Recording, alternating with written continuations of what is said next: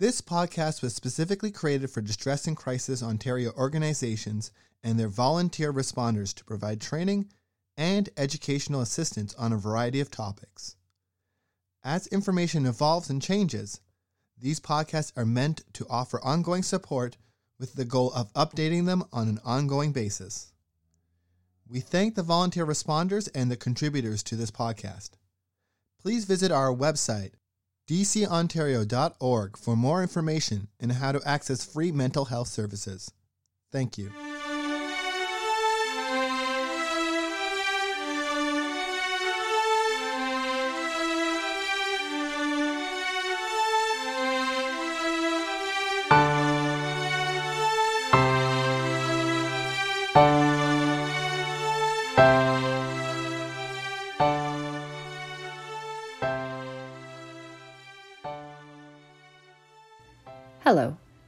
Is Caitlin Plant, and I'm the program manager at Distress and Crisis Ontario.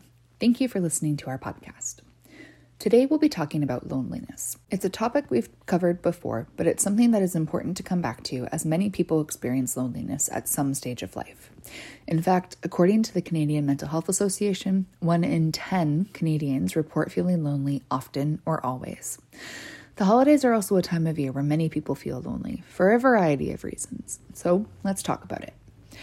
Before we dive in, as always, our member centers and ONTX are here to support you whenever you need a listening ear. If loneliness is something you struggle with, the responder at the other end of the call, text, or chat would be happy to connect with you. They can provide you with resources in your community that may be able to connect you with others, give you a safe space to talk about your loneliness, or even just provide an opportunity to have a conversation with someone. ONTX is available from 2 p.m. to 2 a.m. Eastern Standard Time daily, and many of our member centers operate 24 7. You can find your nearest member center on our website at www.dcontario.org forward slash locations. And the ONTX online chat can be accessed from any page of our website using the Looking for Support sidebar. If you'd prefer text over chat, ONTX can also be reached by texting the word support to 258 258. The information in today's podcast comes from mind.org.uk's page on loneliness and Psychology Today Canada's article, Seven Ways to Combat Holiday Loneliness.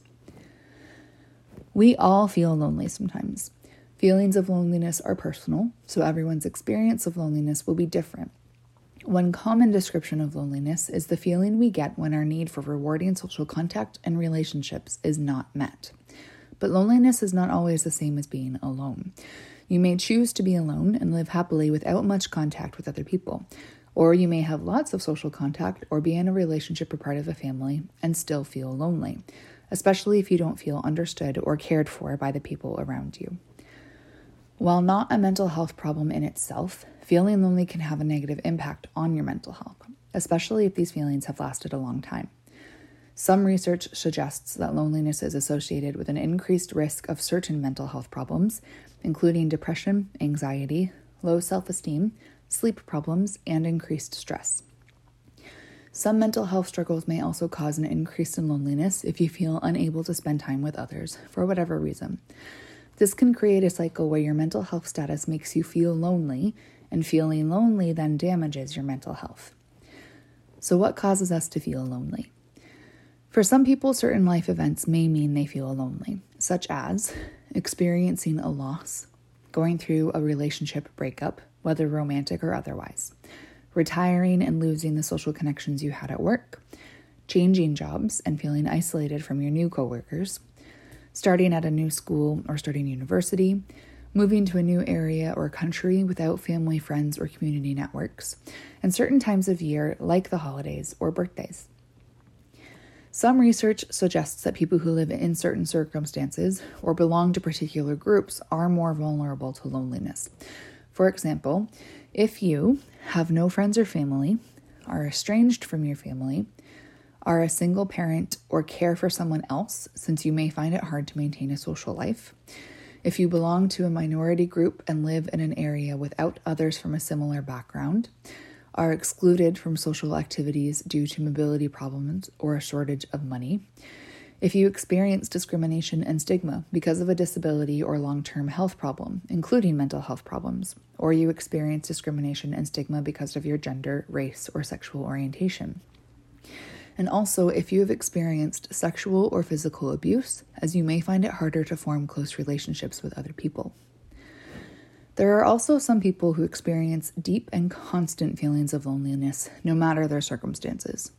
There are many reasons someone may feel this way, but understanding what is making you feel lonely can help you find a way to feel better.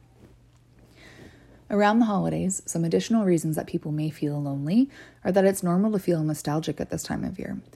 Whether you're in a house full of people or all alone, it's not unusual to miss people who are no longer with you.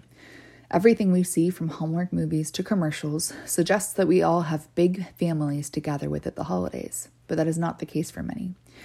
We also have to accept that not every family is a happy family, and sometimes spending time with family members we dislike or those who have harmed us in the past is the last thing we want to do during the holidays.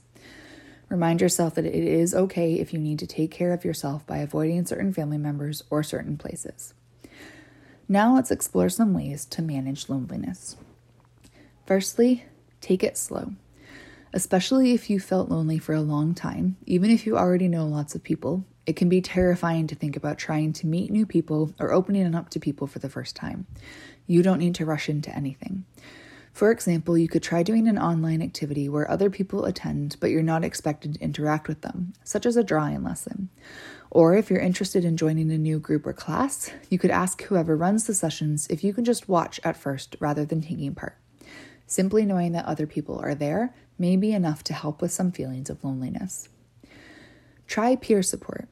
There are many different types of peer support service, which provide people with a space to use their own experiences to help and support each other, including experiences of loneliness and related mental health problems. You may be able to find local peer support services by simply Googling what's in your area, or you can connect with your nearest distress center to ask if they know of any resources you could use. Some of our member centers also offer warm lines and teleconnect services that provide the opportunity to connect with someone on a regular basis. Try making new connections. If you're feeling lonely because of a lack of satisfying social contact in your life, you could try to meet more or different people. Try to join a class or group based on your hobbies or interests. This could include online groups if you can't attend things in person. If you are able to, volunteering is a good way of meeting people. While giving to a charity also makes us feel good and generates a sense of well being, volunteering alongside others can give you a giver's high similar to the runner's high that folks experience. There is something about doing good in the world that changes our own self image, boosts our self esteem, and makes us feel the world isn't such a lonely place after all. It is a good idea to check that you will receive adequate support from the organization you are volunteering at. Try to open up. You might feel that you know plenty of people, but what is actually wrong is that you don't feel close to them or they don't give you the care and attention you need. In this situation, it might help to open up about how you feel to friends and family. Reach out to people you care about or have lost touch with over the years. Everyone likes being thought about and remembered, and a quick phone call or even a text message will let you feel more connected to others, will give the recipient a warm feeling, and may provide an opportunity to meet up in person. If you don't feel comfortable opening up or reaching out to the people you know, you could try speaking with a therapist or using a peer support service. Be careful when comparing yourself to others. It is very hard to stop comparing ourselves to others. We all do it, but it can help to just be aware that things are not always what they seem from the outside. For example, on social media, we very often only see what other people want to share about their lives, and this can make us feel like we are the only ones feeling lonely. It's important to remind yourself that you don't know how other people feel when they are alone or when their social media feeds are turned off. Invite others into your life. If you have a special talent like drawing, cooking, knitting, or other handiwork, offer to teach others the craft. If you love to bake cookies and feel like you have no one to share them with, invite neighbors over to try out your latest recipe or put together care packages for your local shelter and deliver them yourself. Throughout the holiday season, especially, it can also be helpful to put something to look forward to on your calendar. Even if you're choosing to spend a holiday on your own, you might want to plan to spend the day doing something you genuinely enjoy. Whether you've got a book you want to read, a trip to the movies, a visit to a special place, a television show you want to binge, a new kitchen gadget you want to use, or a favorite meal you want to prepare, put this on your calendar and circle it in your favorite color. Maybe put a countdown on your phone. This will help you focus on something other than the downside you feel creeping into the solo holiday. You can also create new solo traditions that reflect your special interests, not those of others you may have had to try to please in the past. Whether it's visiting a special place, listening to particular pieces of music, watching a specific movie, or enjoying a special food, create a tradition that brings you satisfaction and is something you would look forward to in the future. Enjoy your community's holiday offerings too. Seek out holiday events that are free and easy to access. Recreation centers, libraries, museums, places of worship, and local colleges often have community programs this time of year that bring people together. Even if you're not particularly crafty, go to an ornament making workshop. Even if you're not particularly religious, attend a service to feel connected with others or to join in the singing. Singing is another activity that can boost the feel good endorphins. Finally, look after yourself. Feeling lonely can be very stressful and can have a big impact on your general well being, which might make it even harder to make positive steps to feeling better. Be gentle with yourself and remember that loneliness is often temporary. Silence your inner critic, check in with yourself, identify what's making you feel lonely, and think about how some of the following are affecting how you feel and whether you can do anything to change them. Try to get enough sleep. Getting too little or too much sleep can have a big impact on how you feel. Think about your diet. Eating regularly and keeping your blood sugar stable can make a difference to your mood and energy levels. Try to do some physical activity. Exercise can be really helpful for your mental well being, and some people find it improves their self esteem. Spend time outside. Spending time in green spaces and nature can help your well being. Spend time with animals. Some people find spending time around animals can help with feelings of loneliness, whether through owning a pet or spending time around animals in their natural environment. If it's possible where you live, you could try visiting a local community or city farm. Avoid drugs and alcohol. While you may want to use drugs or alcohol to cope with difficult feelings about yourself, in the long run, they can make you feel worse and can prevent you from dealing with underlying problems. Thank you for listening to today's podcast. Remember, if you are ever feeling lonely, it doesn't mean that you are alone. There are people who want to connect with and support you. It's okay to lean on others to get through these feelings.